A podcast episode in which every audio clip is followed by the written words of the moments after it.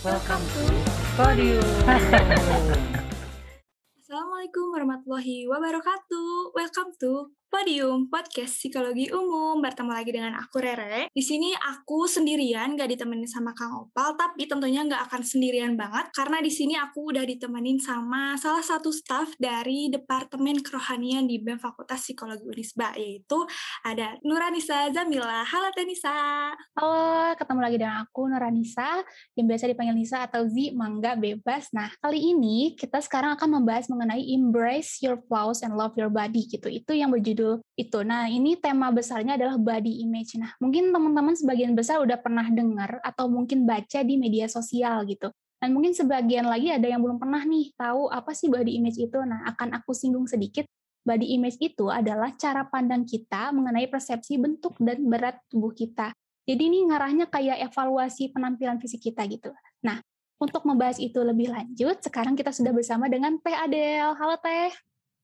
Hai, Assalamualaikum. Halo teman-teman Nisa dan Rere. Teteh, gimana kabarnya? Alhamdulillah, Alhamdulillah kabarnya baik, sehat juga. Teman-teman gimana nih kabarnya?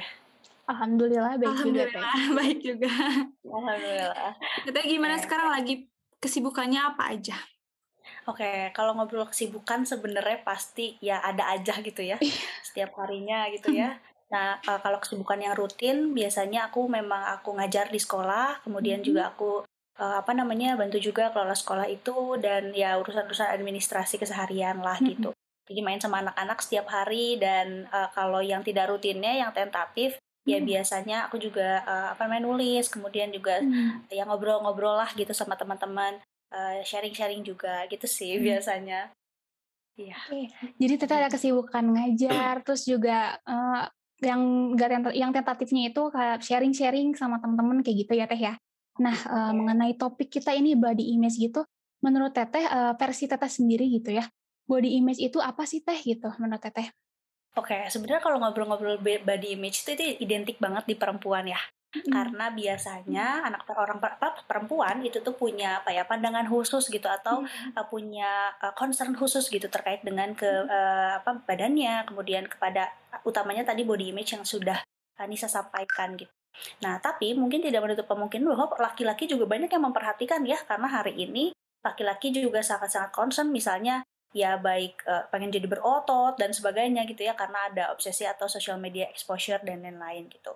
Tapi kenapa concern di perempuan? Karena memang eh apa ya per- budaya kita atau mungkin di ya budaya secara umum itu ya perempuan itu harus proper ya kan harus cantik misalnya atau Hmm. harus rapi harus Hmm. tinggi dan lain-lain gitu banyak hal-hal yang sebetulnya sepertinya dibebankan ke perempuan terkait dengan penampilannya gitu nah kalau misalnya secara eh, teori definisi gitu kan sebetulnya body image itu kan eh, berkaitan dengan persepsi gitu ya Hmm. persepsi subjektif kita terhadap tubuh kita gitu yang mana oh eh, apa namanya saya cantik kemudian saya putih gitu saya Hmm. eh, apa namanya saya berkulit sawo matang sawo matang dan Hmm. sebagainya tidak berhenti di sana aja nih biasanya kan hanya fokusnya sama bentuk tubuh gitu ya tapi ternyata juga eh, apa namanya eh, kan kalau bentuk tubuh itu kan akan fokus pada weight and size atau misalnya kayak berat kemudian tinggi badan pendek dan lain-lain gitu tapi Hmm. hari ini gitu ya kita juga di apa ya di eh, dihadapkan dengan sebuah body image misalnya eh, ada bulu mata harus lentik misalnya kemudian Iya. eh, apa ya kan Iya, terus betul. juga eh, harus tirus gitu ya itu adalah body image yang mungkin baru ya dan mungkin orang dulu mah mungkin ada ya beberapa ada yang tahu nggak kalau misalnya ada suatu eh, suku yang Hmm. memang dia tuh misalnya telinga eh lehernya tuh harus Oh, iya, dipanjang iya. dikasirin gitu ya aku Hmm. lupa Iya, iya. Iya, nah itu juga kalau itu kan uh, budaya gitu ya, tapi uh, berkenaan dengan body image sendiri itu juga kan uh, apa namanya ada gitu ya konteks body image-nya misalnya perempuan di suku itu tuh memang harus jenjang, maka kalau yang jenjang itu lebih apa Iya. terlihat lebih cantik dan sebagainya. Maka dari itu hari ini gitu ya uh, body image itu itu tadi persepsi subjektif terhadap diri kita, terhadap uh, badan kita dan nanti akan melidingnya biasanya kepada body satisfaction atau body Hmm. dissatis- dissatisfaction kayak kepuasan terhadap tubuh atau ketidakpuasan terhadap tubuh gitu sih kalau singkatnya ya eh, eh, apa yang aku eh, apa ya persepsikan terhadap body image itu. Hmm, Jadi bersifat Gitu. subjektif banget gitu ya Teh kalau eh, body image gitu. Dan itu menjadi concern antara perempuan dan laki-laki gitu ya Teh ya. Betul. Silakan Re, ada yang ingin tambahkan? Jadi uh, mungkin seperti yang pernah aku baca juga ya Teh bahwa body image itu ada dua nih jenisnya, ada yang positif sama yang ada yang negatif. Mungkin bisa Teh Adil, Teh Adil jelaskan gitu terkait dengan dua jenis dari body image ini tuh pengertiannya apa dan lebih jelasnya itu seperti apa gitu. Oke, sebenarnya kalau misalnya ngobrolin uh, body image, tadi aku juga lupa sedikit menyampaikan, tidak hanya subjektif sebetulnya, tapi ada yang memang objektif uh, terlihat bahwa uh, apa namanya, yaitu tuh memang misalnya memang uh, apa badannya kurang tinggi, kemudian eh, badannya kurang gemuk atau misalnya terlalu gemuk dan sebagainya itu bisa apa ya terukur kan ya terlihat dari size and mm-hmm. weight gitu. Tapi kalau misalnya berbicara tentang body image positif dan negatif, berarti ini masuk baru masuk ke persepsi gitu kan. Yang mana persepsi ini sebetulnya ya uh, apa namanya mau besar, mau kecil, mau tinggi, mau pendek, mau putih, mau hitam, uh, tergantung bagaimana kita menilai itu sebagai tadi positif dan negatif gitu. Nah, kalau body image positif gitu atau misalnya yang mungkin ramai sekarang dan tadi sudah di uh, apa namanya bahas sebelum bahwa ada body positivity gitu kan. Bahwa ya udah gitu, udah aku mah cantik mau gimana juga gitu ya. Udah aku mah cantik yeah. weh, mau apa namanya uh, pendek hmm. juga gitu ya kayak self love gitu ya. Yang misalnya yeah. mencintai diriku dan sebagainya. Terus kemudian juga memberikan afirmasi gitu bahwa apa namanya aku tuh adalah uh, apa namanya perempuan yang cantik gitu ya walaupun misalnya hidungku pesek misalnya dan sebagainya gitu. Nah itu adalah sebuah uh, apa namanya bentuk uh, pandangan positif terhadap diri. Pokoknya memandang diri teh atau memandang tubuh itu tuh positif aja gitu ya. Uh, tidak ada afirmasi negatif sama sekali. Kemudian ada nih gitu ya body image negatif sebagai perlaw apa lawan dari si body image positif ini gitu. Yang mana hmm, seseorang itu mempersepsikan bahwa ya misalnya tubuhnya tidak baik walaupun pada pada pada apa ya pada pandangan orang bisa jadi gitu ya itu tuh cukup gitu. Ideal kok gitu ya uh, kemudian juga jadi ada disfungsi ada disfungsi dalam berpikir gitu maksudnya dalam uh, dalam arti kadang apa yang secara objek terlihat itu tuh ideal gitu ya uh, apa ideal tuh secara kesehatan misalnya atau secara lingkungan juga ya nggak jelek-jelek amat gitu ya uh, masih punya pacar gitu iya. bahkan yeah. atau misalnya masih uh, ya masih masih apa ya dalam arti semua juga uh, ya, jadi relatif gitu semua tuh standarnya relatif sekali gitu tapi dia memandang dirinya negatif. Dan pastinya kan banyak ya faktornya pengaruhnya.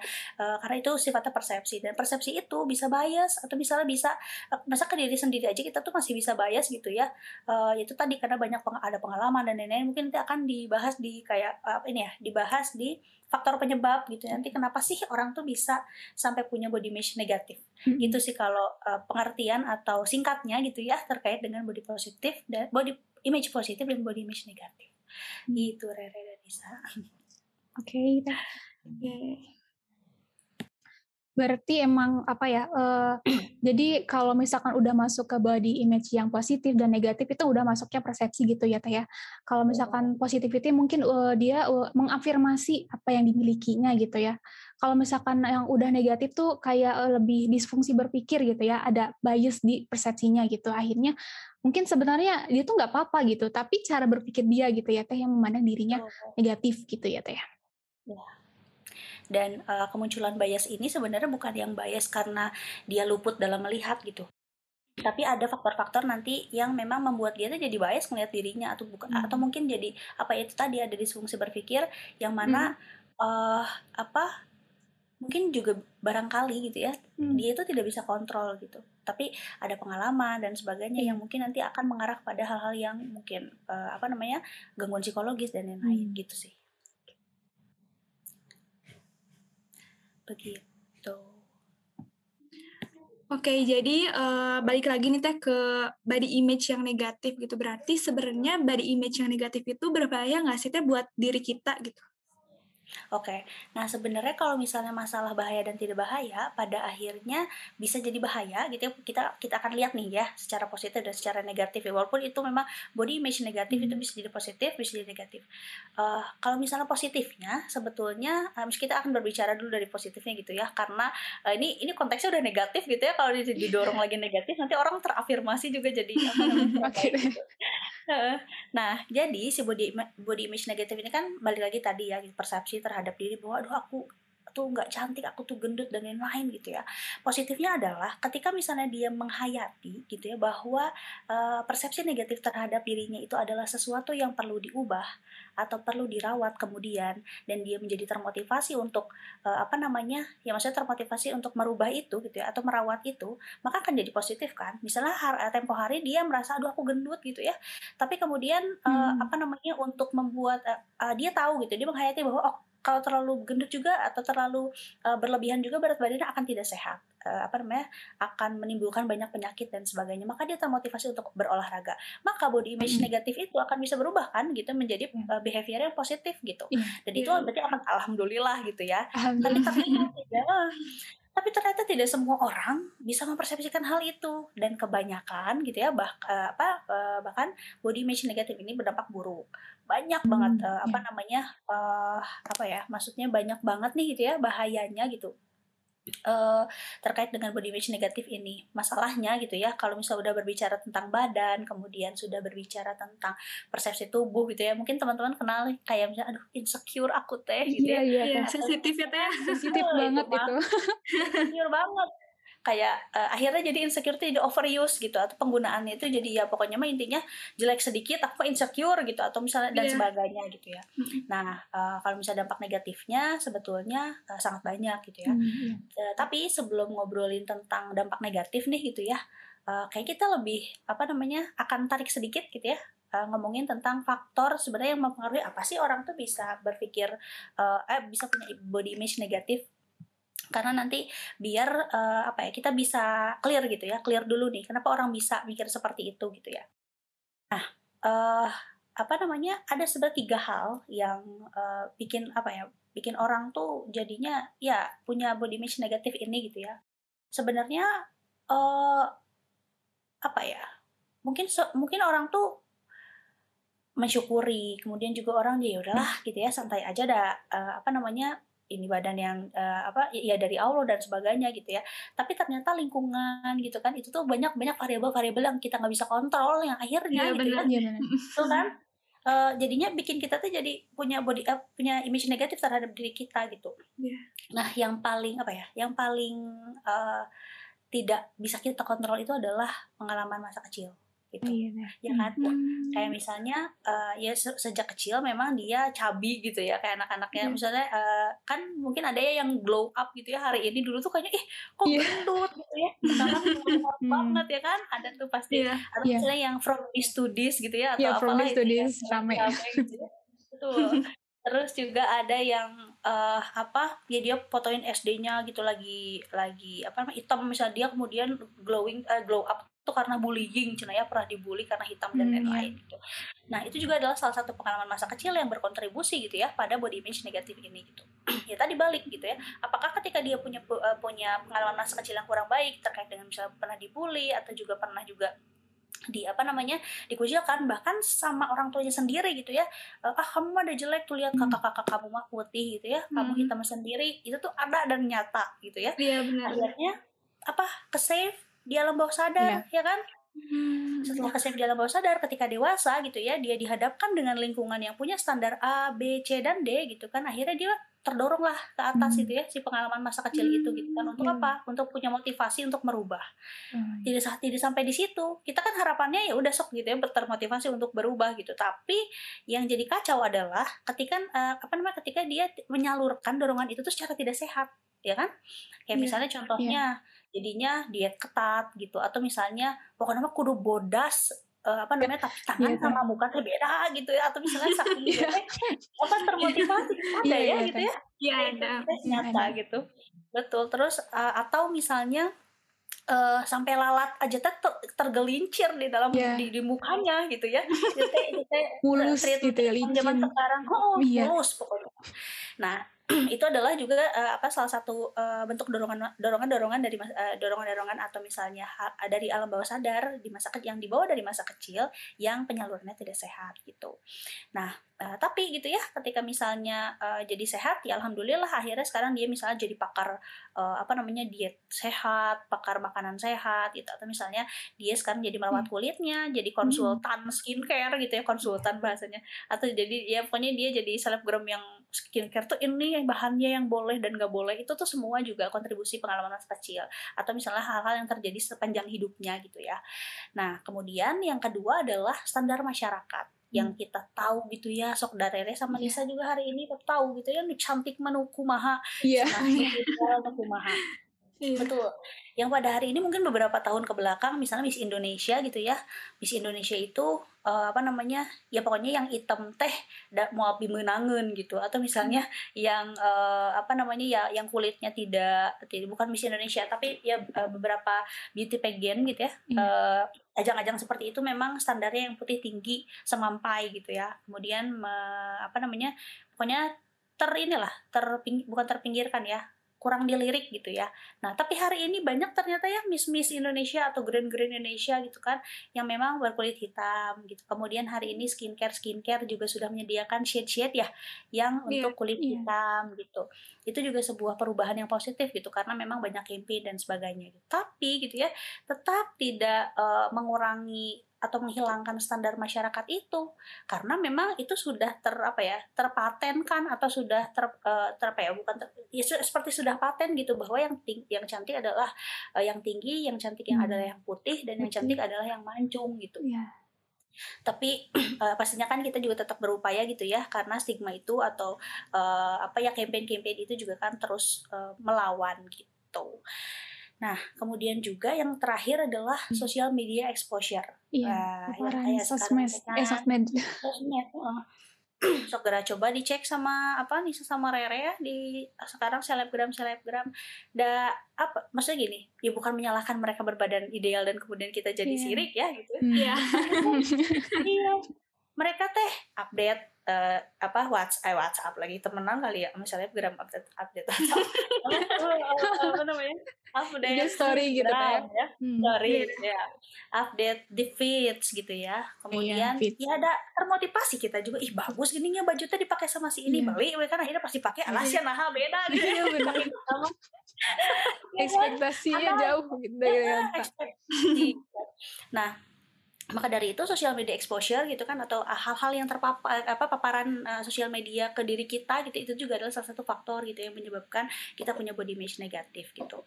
Tapi itu tadi makanya kita harus bijak bersosial media kemudian juga kita harus apa ya hmm, intinya mah self love first gitu ya atau self love kan ntar luas lagi gitu ya bahkan bisa Iya. mungkin dibahas di podcast selanjutnya atau di mana lah itu self love tapi kan konteksnya self love dan orang udah nggak apa ya udah nggak asing lah dengan self love gitu Hmm. ya nah makanya uh, social media exposure ini tuh bahaya banget gitu ketika misalnya kita tidak bisa mengontrol gitu atau kita tidak punya pondasi Hmm. yang kuat gitu ya terhadap pandangan terhadap diri kita gitu Hmm. itu jadi faktornya jadi nanti sebelum eh, nah sebelum kita apa namanya masuk ke bahayanya gitu Bahaya. dan apa aja sebenarnya faktor eh, apa ya penyebab penyebab dari body image negatif mungkin dari Nisa sama Rere pengen eh, apa namanya menanggapi dulu nggak tentang faktor-faktor tadi yang fakta-fakta tadi nah iya bener banget teh jadi eh, sebenarnya pernah kayak apa ya kayak kealaman gitu kayak kok lihat dari eh, feeds orang tuh ih badannya bagus gitu aku bisa nggak ya kayak Iya. gitu suka banget kayak gitu teh gitu tapi Iya. kalau dari aku sendiri misalkan tapi kan gini aja aku udah bagus kadang-kadang ngerasa kayak gitu gitu tapi Iya. nggak ada niatan untuk berubah kayak misalkan ngerasa udah mulai sesek nih tapi nggak ada niat untuk Mm-mm. berolahraga gitu ini sebenarnya itu Betul. boleh nggak sih teh kayak gitu Eh, oke gimana gimana? Jadi pokoknya eh, kayak- apa namanya udah mulai hmm, misalkan kayak udah punya nih pandangan positif ke badan gitu ya.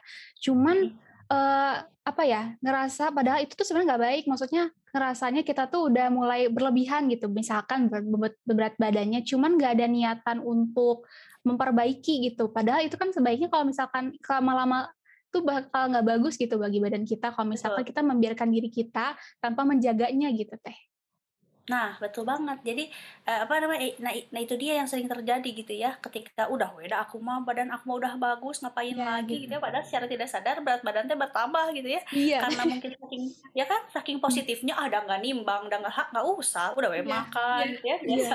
Heeh, Padahal udah mulai kan, apalagi kalau diasup apa asupannya tuh seblak misalnya Iya, atau seblak. asupannya teh bakso ya itu udah kacau ya Kacau. kacau kan gitu Eh, apa namanya ta- tapi ya itu tadi benar benar banget kata Nisa gitu bahwa body eh, eh, punya pandangan positif terhadap Hmm. diri aja teh gak cukup gitu Iya. tapi bagaimana setelah itu atau aksi apa sih yang harus kita lakukan gitu ya untuk Hmm. merawat si tubuh kita teh ya gitu ya Hmm. bahkan aku pun gitu ya pribadi hari ini gitu ya eh, ngobrol tentang body positivity gitu ya atau body image negatif gitu Iya. ya Eh, kemudian menyarankan untuk olahraga aku pun masih sulit sebenarnya untuk eh, melakukan itu dan bahkan gitu ya aku punya insec- insecurities tersendiri gitu ya terhadap si body image ini yang mungkin lewat podcast ini teh Allah teh eh, apa nyuruh aku gitu ya tah si Adel kamu teh bilang gitu ya Reminder ya teh. Reminder.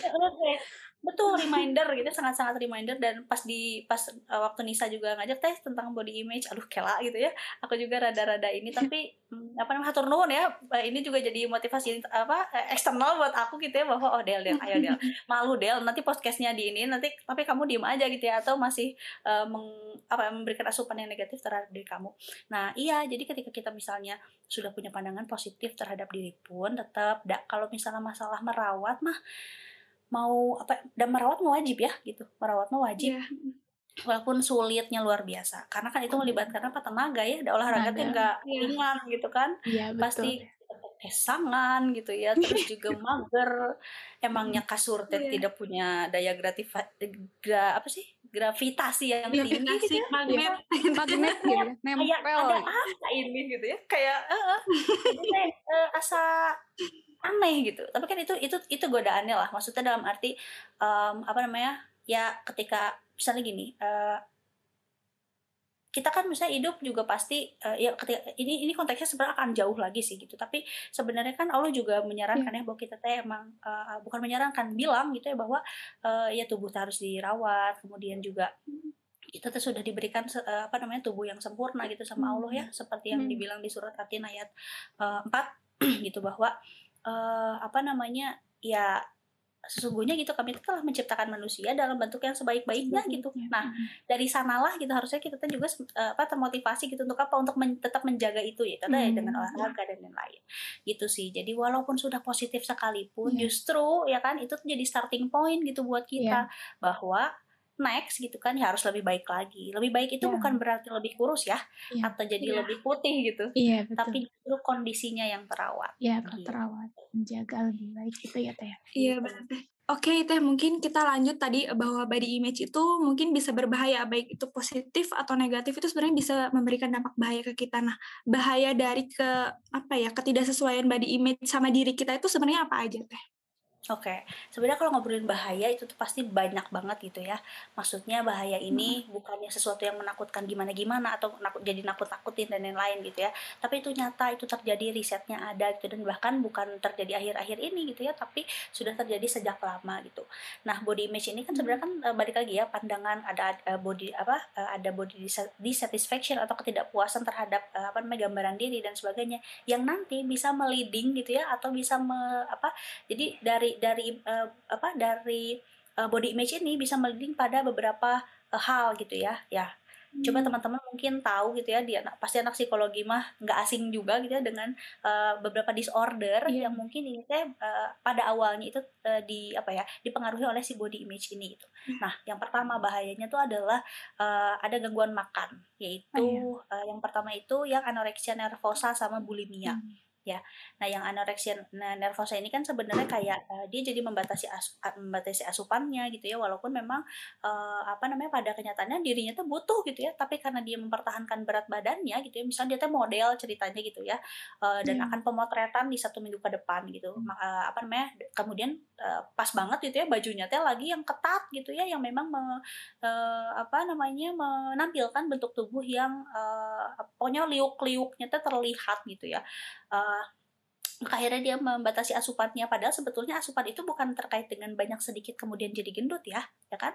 Tapi banyak sedikit ketika berkualitas vitaminnya terjaga makannya teratur maka ya tidak akan menjadi apa-apa gitu ya tidak akan uh, merubah uh, badan kita secara signifikan gitu. Maka dari itu ketika orang-orang yang uh, apa namanya ya yang anoreksia nervosa ini dia membatasi asupan uh, makanan ke dalam tubuhnya gitu. Nah kemudian juga dia tuh punya rasa takut yang berlebihan gitu ya, terhadap uh, kegemukan gitu ya tadi gitu. Dia takut gemuk takut berubah uh, fokus pada size and weight tadi uh, tadi gitu ya fokus pada bentuk tubuh dan lain-lain. Dan uh, apa namanya hmm, yang lebih parah lagi gitu ya dia teh punya pandangan yang negatif ya gitu secara terus menerus ke dalam dirinya gitu. Dan itu terjadi secara intens. Padahal gitu ya misalnya berat badan teh kalau misalnya dilihat secara uh, apa namanya uh, hitungan BMI atau kedokteran gitu ya mungkin itu teh udah ideal bahkan di bawah normal gitu. Hmm. nah uh, itu salah satu gangguannya Oke, nah tadi udah kita udah ngebahas nih tentang anoreksia nervosa. Gitu. Nah selanjutnya adalah si bulimia ini nih yang juga apa ya uh, banyak gitu ya rata-rata bukan uh, mungkin aku nggak tahu spesifik penelitiannya tapi banyak juga penelitian yang bilang bahwa bulimia ini terjadi pada uh, apa namanya orang-orang bukan orang-orang sih tapi pada profesi-profesi uh, yang menuntut penampilan yang uh, apa namanya baik gitu ya dalam arti ya tadi bisa seperti model kemudian artis dan lain-lain gitu. Mungkin kita juga pernah mendengar gitu salah satu ada uh, apa namanya artis-artis gitu ya yang memang dia tuh ternyata gitu ya walaupun dengan badan yang ideal yang kita ngelihat dia baik-baik aja dia biasa-biasa hmm. aja ternyata pernah uh, apa namanya mengidap bulimia aku belum sempat searching siapa tapi mungkin nanti kita bisa lihat gitu ya karena Google akan apa namanya membantu kita gitu ya untuk menemukan uh, mereka untuk apa untuk belajar aja sebenarnya gitu ya hmm. nah terus jadi kalau misalnya bulimia ini kan uh, kalau anoreksia nervus kan membatasi as membatasi asupan nah kalau uh, bulimia ini tuh ya makan biasa gitu ya uh, bahkan dorongannya itu kadang hmm. tinggi tapi setelah makan dia berusaha untuk mengeluarkannya dari tubuh gitu. Akhirnya dikeluarkan baik misalnya dimuntahkan misalnya pakai tangan itu ya kemudian uh, tangan kita dimasukin dan sebagainya. Terus juga ada yang minum obat pencahar atau obat-obat yang bikin uh, apa pertama mungkin bisa bikin muntah atau bikin uh, apa namanya uh, kita cepat atau banyak buang air besar gitu.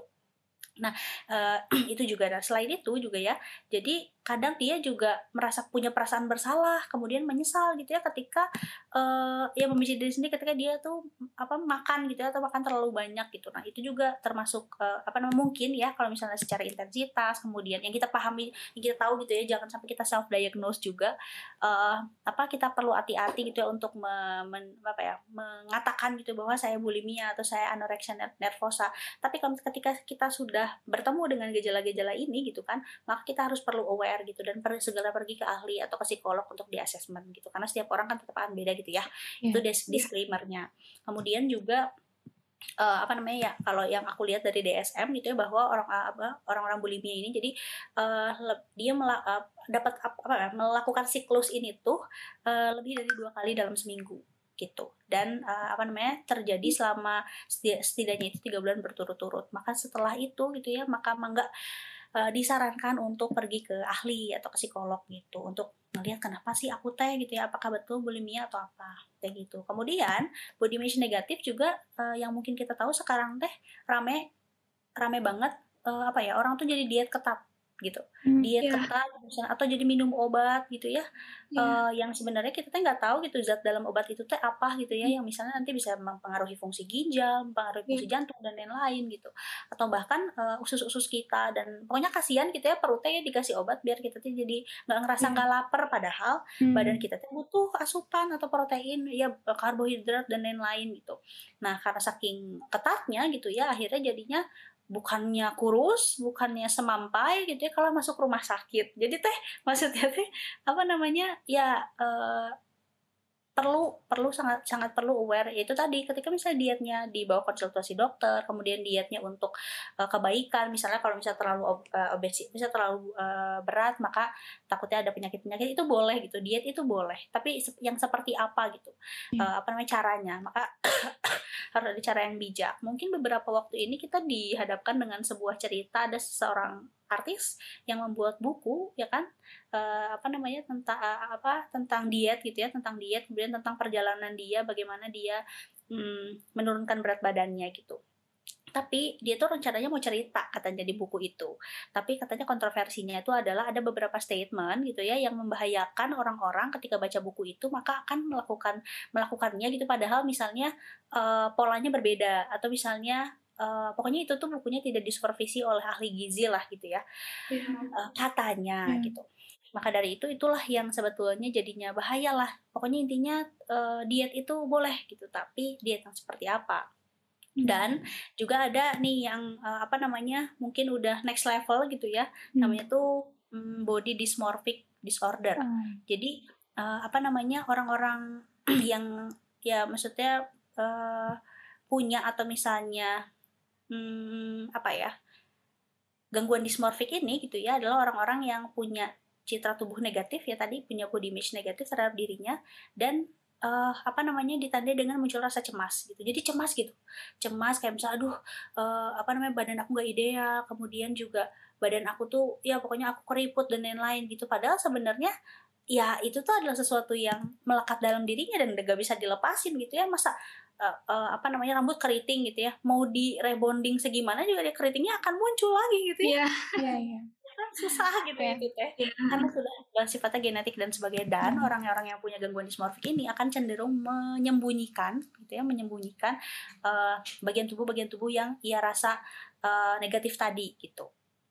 Makanya sebetulnya uh, kalau itu udah sifatnya udah persepsi gitu ya sifatnya udah pokoknya itu harus uh, bukan harus itu udah masuknya disorder uh, mana perlu juga penanganan dari psikolog kemudian uh, ikut dapat intervensi CBT dan lain-lain gitu maka ketika uh, nanti teman-teman mungkin bisa juga cek gitu ya di berbagai sumber hmm. apa sih sebenarnya gangguan dismorfik ini dan dia juga hmm. sangat-sangat membahayakan gitu hmm. nah kemudian hmm, yang paling simpel gitu ya bahayanya itu adalah biasanya orang tuh jadi menarik diri tidak mau apa uh, bergabung dengan sebuah lingkungan atau komunitas ya kan? Karena ngerasa bahwa ah aku mah gendut itu mah kepada kurus itu ya gengnya gitu. Dapat tuh mah aku mah insecure cina dapat tuh aku iya. mah remahan rengginang cina gitu ya. Padahal padahal dah sebenarnya maksudnya ya uh, kalau orang yang bisa menghayati secara apa ya secara bijak atau secara utuh gitu ya bahwa sebetulnya kita ketika bersosialisasi berteman bermasyarakat gitu kan uh, itu tuh kita tidak membawa tubuh kita gitu tapi kita memang membawa kepribadian kita kita membawa bagaimana cara kita bersikap gitu. Pokoknya hal-hal yang sebetulnya tidak apa ya hal-hal yang lebih esensial gitu. Atau hal-hal yang sebenarnya tidak mungkin kalau misalnya hmm, standar sosial yang boleh ya main sama orang-orang ya maksudnya yang boleh berkelompok itu hanya orang-orang yang kurus-kurus aja terus bagaimana orang-orang yang uh, apa namanya berbadan besar atau orang-orang yang uh, berwa kulit ber, apa memiliki kulit ber, berwarna hitam itu tuh nanti dia mau berkelompok sama siapa? Oke lah misalnya berkelompok dengan uh, yang sama gitu kan. Tapi maksudnya kan kita juga belajar toleransi gitu kan. Ada bineka tunggal ika kemudian ya hal-hal itulah yang sebenarnya kayak uh, baik kita yang punya body image negatif atau ya orang-orang yang apa suka menstigmakan gitu jadi kan tidak hanya mungkin kita kita ya yang kesulitan untuk bersosialisasi atau masuk ke dalam sebuah kelompok kelompok tertentu gitu atau orang-orang yang mungkin Allah karuniai badan yang mungkin katanya ideal ya gitu ya itu juga harus uh, apa namanya aware dan menerima. Atau misalnya tidak memilih-milih gitu ya siapa yang bergabung atau siapa yang bersosialisasi terhadap kelompok-kelompok uh, yang dia miliki.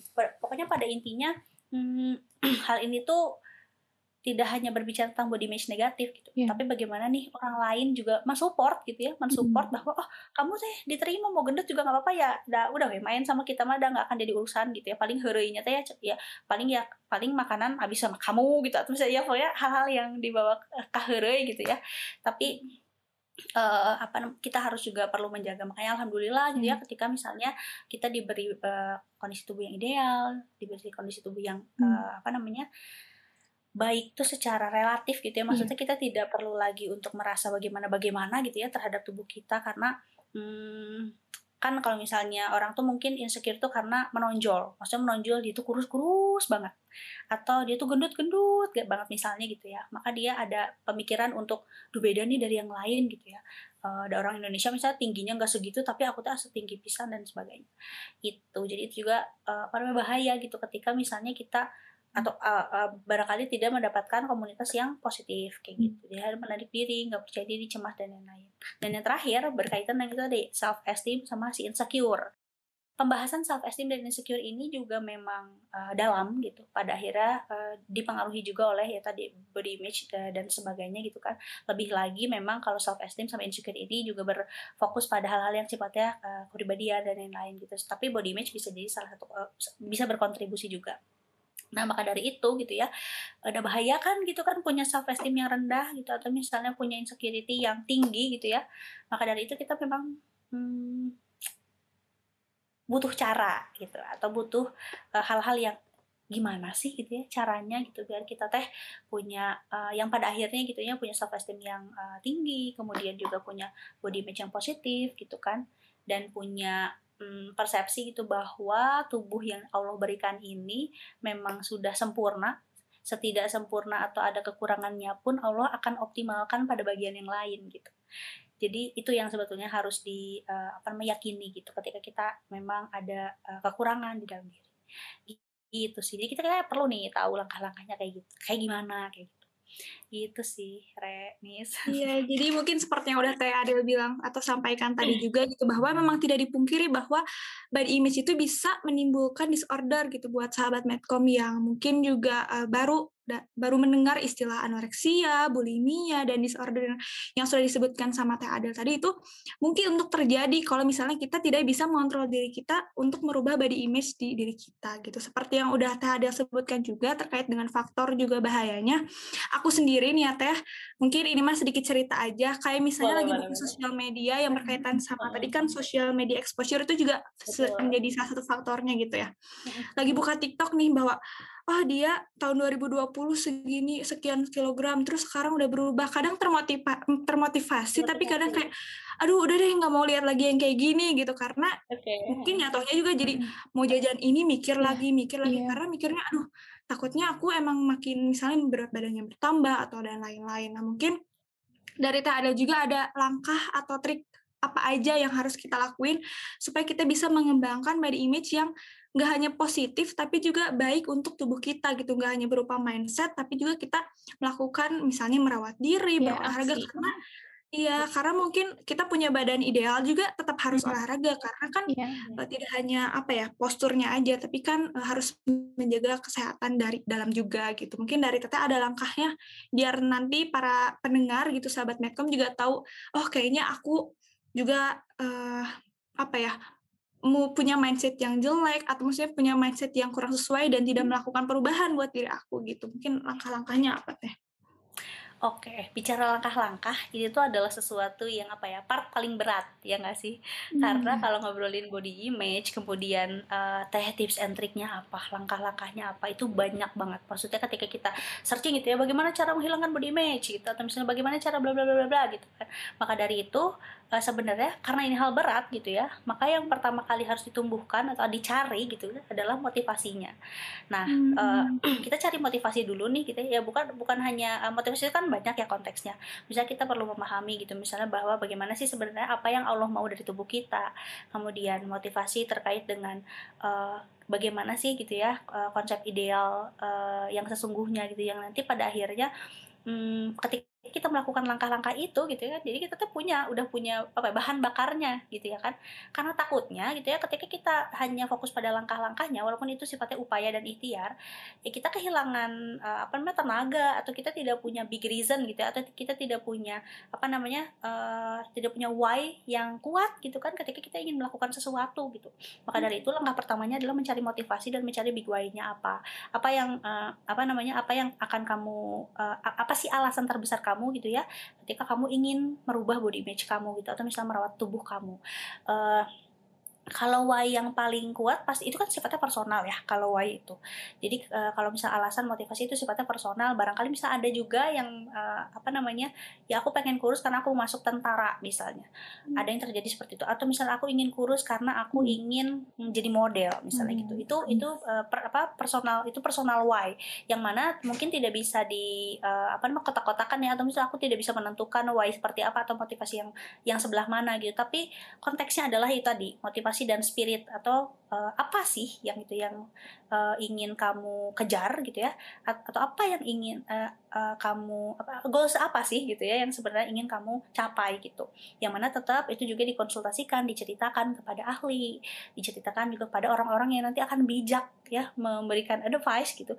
Takutnya kalau misalnya cerita sama temen yang memang kayak uh, concernnya cuma sama kulit putih yang penting putih tapi pakai mercury gitu misalnya udah weh ini pakai dah yang penting putih dan sebagainya ada. Udahlah ini mah udah bagus produknya bagus yeah, kan ada gitu ya. Nah makanya Betul. Makanya ya kepada ahli itu misalnya ke dokter, berangkat ke hmm. dokter, kemudian berangkat ke ahli gizi dan sebagainya. Kayak gitu.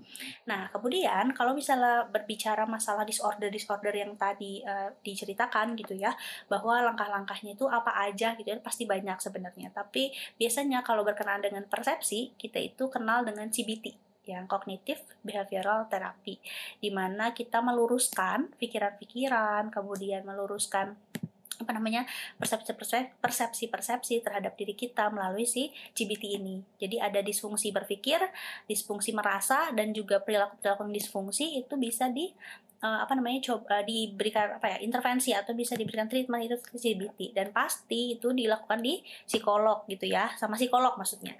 Karena uh, apa mungkin kita ada juga matkul CBT kalian uh, dapat gak sih matkul CBT Kebetulan belum teh, tapi kalau teori sedikit, ya? sedikit sekilasnya. Oh iya, teori-teori ya. sedikit ada, ada, ada ya gitu. Nah, uh, yang kita tahu itu bahwa dia tuh akan me, apa namanya memodifikasi atau misalnya disfungsi disfungsi berpikir yang disfungsi berpikir, merasa dan uh, perilaku yang kita uh, apa namanya tampilkan gitu. Nanti ada training apa, kemudian nanti ada wah, banyak lah worksheetnya dan sebagainya gitu ngobrol sama psikolog. Itu yang pertama. Kemudian ketika oke okay, aku mau kurus gitu ya karena aku sudah merasa tubuhku tidak nyaman maka mangga uh, cari uh, apa namanya tentang tempat-tempat training gitu ya tentang misalnya fitness gitu kan atau uh, apa namanya uh, yang memang dia concern di sana gitu ya atau ahlinya uh, trainer lah gitu ya jangan yang uh, oke okay, nggak apa-apa sih sebenarnya lihat YouTube gitu ya tapi kan beberapa uh, apa namanya beberapa video ya ada juga yang misalnya kan ketika kita senam atau zumba gitu ya itu tuh kan ada uh, ngelatih kardio dan lain-lain gitu nah jangan sampai kita juga salah barang takutnya barangkali kita memang punya asma atau misalnya punya gangguan jantung hmm. terus kita 5 menit workout menurunkan 10 kilo ada ya oh, sih iya. clickbait clickbaitnya teh gitu oh, kan oh, iya. banyak Hmm, nah itu teh juga perlu diperhatikan gitu bahwa kita nggak bisa sembarangan untuk menggunakan video atau menggunakan uh, referensi gitu ya yang memang kita tuh tidak disupervisi oleh ahlinya langsung. Maka berangkatlah ya kepada trainer-trainer fitness yang memang kita eh, yang ter, terpercaya gitu ya kayak gitu.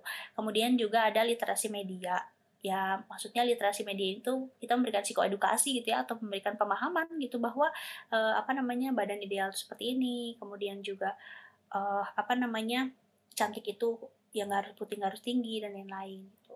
Terus juga ada salah satu tadi aku menemukannya ketika aku nyari-nyari apa ya gitu ya yang memang bisa merubah si body image ini gitu ya yang diistiqomahkan atau bisa kita mulai sedikit-sedikit itu tuh ada gratitude based intervention jadi kita itu bikin gratitude journal mengafirmasi diri kita kemudian juga merefleksikan sebenarnya apa sih yang kamu khawatirkan dengan tubuh kamu gitu. Kita ngelis juga bagian-bagian mana yang ingin kita rubah dalam arti bukan dirubah uh, apa bentuknya ya kan uh, operasi plastik gitu ya tapi maksudnya yang bisa dioptimalkan gitu. Atau uh, apa dalam merawatnya yang mungkin itu tuh bisa terlihat dan bisa tidak terlihat dan juga di gratitude journal juga kita bisa melakukan meditasi gitu misalnya untuk apa tadi memberikan afirmasi nggak apa-apa makasih ya gitu badan gitu ya selama 22 tahun ini sudah membantu uh, kita dalam sekolah kita sudah membantu secara optimal walaupun memang hmm. aduh gitu ya uh, baru rat gitu ya atau misalnya kadang uh, apa mengeluarkan keringat berlebih itu karena misalnya hmm, apa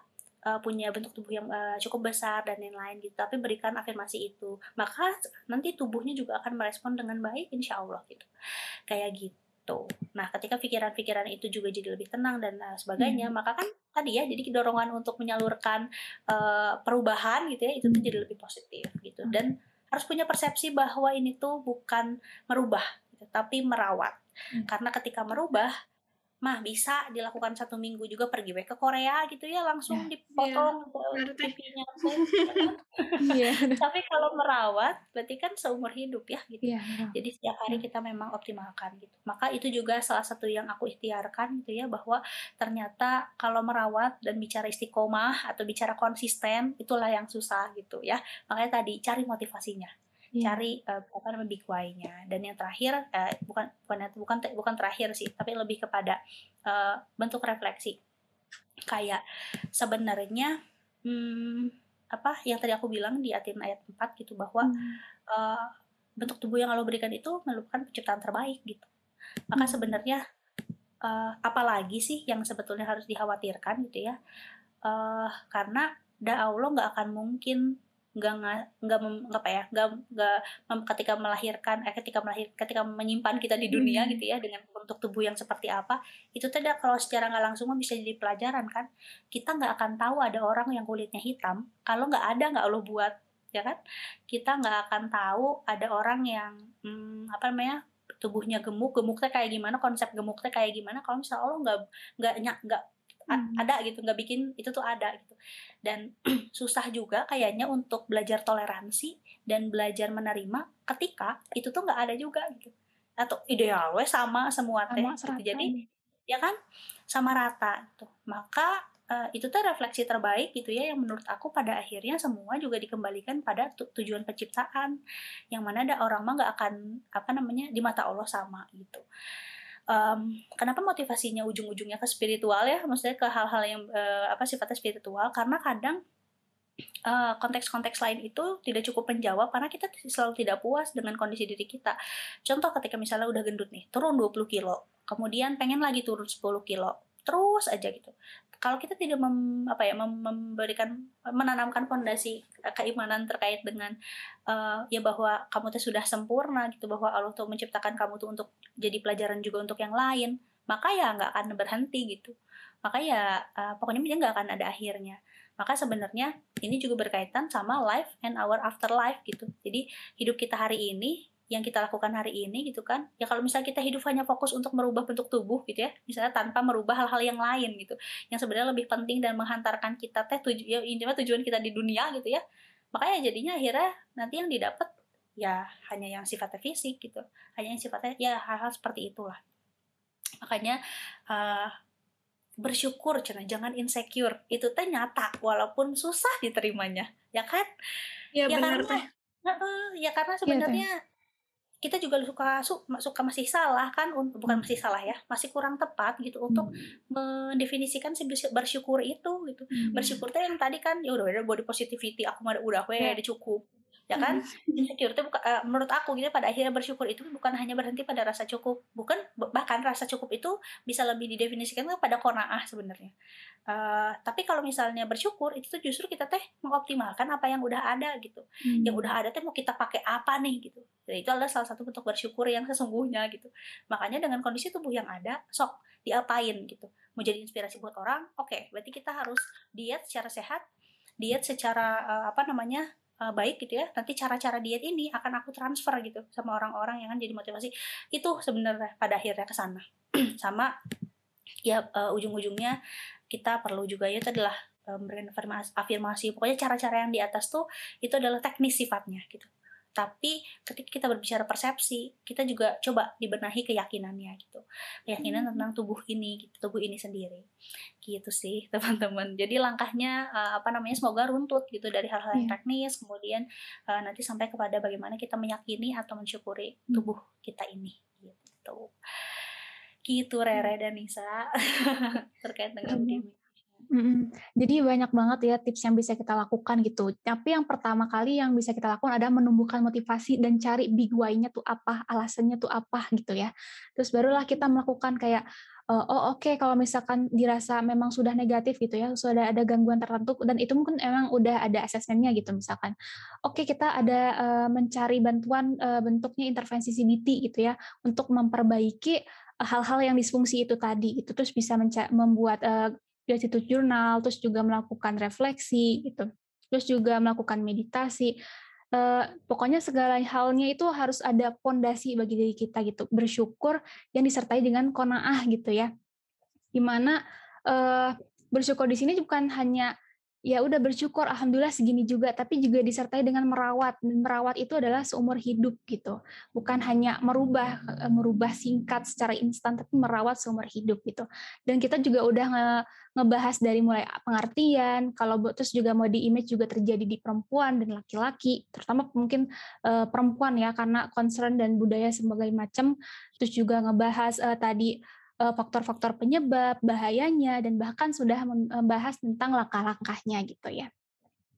Uh, jadi udah banyak banget manfaat yang udah kita dapat nih teh. Alhamdulillah banget teh ada udah sharing ilmu ke kita gitu ya. Iya. Makasih banget teh. Semoga uh, apa yang udah kita dapat kali ini bisa uh, menumbuhkan insight ke sahabat Medcom dan juga tak lupa uh, bahwa uh, menjadi pengingat juga bagi aku buat semuanya juga kalau Allah Subhanahu wa taala itu sudah menciptakan kita dalam bentuk yang sebaik-baiknya dalam surah At-Tin ayat 4 gitu. Jadi ini juga menjadi reminder ke aku juga bahwa uh, memang uh, semuanya tuh ada hikmah dan perlu kita rawat gitu. Kayak gitu sih Teh. Jadi makasih banget udah share ilmu ke kita kali ini. Semoga uh, teman-teman semua yang bisa dengar di sini bisa bermanfaat dan juga bisa berkah buat untuk kita semua. Amin. Oke, okay, mungkin seperti yang Teh Adel bilang tadi ya, bahwa kita tuh harus memberikan motivasi. Nah, mungkin dari Teh Adel ada pesan motivasi untuk sahabat Medcom terkait dengan body image, yeah. uh, khusus dari Teh Adel gitu. Mangga Teh, dipersilahkan. Okay. Rasa Mario Teguh ya, uh, apa namanya? Teh Adel Teguh. Oke. Baiklah, uh, hatur nuhun Rere dan Nisa uh, kesempatannya. Uh, apa pada akhirnya juga ini reminder buat diri aku gitu ya bahwa Del, ayo gitu. Uh, ketika kamu sudah menyampaikan ini sebagai informasi dan disclaimer juga bahwa apa yang aku sampaikan bukan berbentuk belum berbentuk ilmu. Karena ketika uh, apa namanya uh, kita bisa namakan ilmu ketika memang kita sudah memang mengamalkannya gitu ya. Nah karena hari ini aku juga belum belum juga mengamalkan semuanya maka aku uh, nyatakan gitu ya bahwa ini adalah sebuah informasi yang semoga bermanfaat untuk teman-teman semua. Dan aku juga ini menyadur dari beberapa artikel yang pastinya juga uh, apa namanya itu mah sifatnya semua orang bisa cari gitu ya. Tapi yang perlu diyakini uh, makanya kenapa tadi aku mengam, apa menutup semuanya dengan membangun fondasi keyakinan gitu ya karena upaya-upaya teknis itu bisa diupayakan.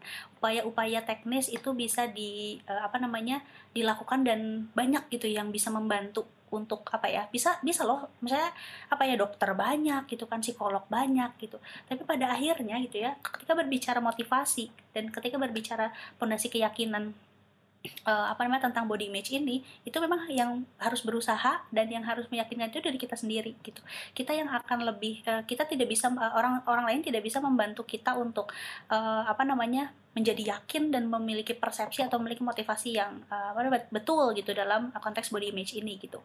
Maka dari itu uh, karena tidak ada yang bisa uh, membantu bahkan hanya mungkin hanya untuk mengingatkan gitu ya maka yang perlu dibangun juga gitu kan selain upaya-upaya teknis yaitu tadi upaya-upaya uh, apa namanya keyakinan dan motivasi yang uh, apa namanya yang lebih matters lah atau lebih penting dari yang lainnya gitu. Dan yang pastinya kembali lagi bahwa uh, apa Allah itu tidak akan menciptakan kita uh, apa namanya tanpa guna atau tanpa daya atau tanpa tujuan gitu ya uh, seburuk apa pun gitu kan atau sebaik apa pun gitu ya akan bisa menjadi pelajaran untuk yang lainnya gitu maka dari itu hayu gitu ya orang sama-sama uh, apa namanya upayakan masalah teknisnya dan pupuk juga keyakinan dan pondasinya hmm. uh, maka insya Allah sebenarnya urusan body image ini hanya akan jadi event bukan hmm. event yang gimana gimana tapi hanya akan jadi uh, apa namanya cerita yang justru bikin kita teh semakin dekat gitu sama Allah gitu hmm. dan semakin yakin gitu bahwa kita teh siapa sih gitu di dunia ini hmm. itu dan apa yang harus kita lakukan gitu sih Renis dari Oke, okay, wah semoga menjadi motivasi ya buat sahabat yeah. Medcom semua pendengar podium ini. Mungkin juga mau sedikit menambahkan mungkin juga sebagai reminder nih buat sahabat Medcom bahwa semua yang kita terima sampai sekarang ini ya memang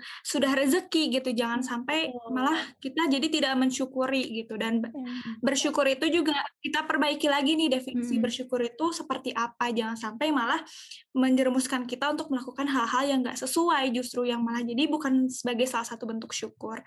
Mungkin kepada Teh Adel terima kasih waktunya juga ilmunya Semoga bisa bermanfaat. Juga buat eh, sahabat Medcom semua, terima kasih udah selalu setia dengerin Podium. Semoga Podium episode kali ini juga bisa bermanfaat untuk semuanya. Juga menjadi eh, insight, juga reminder buat kita semua.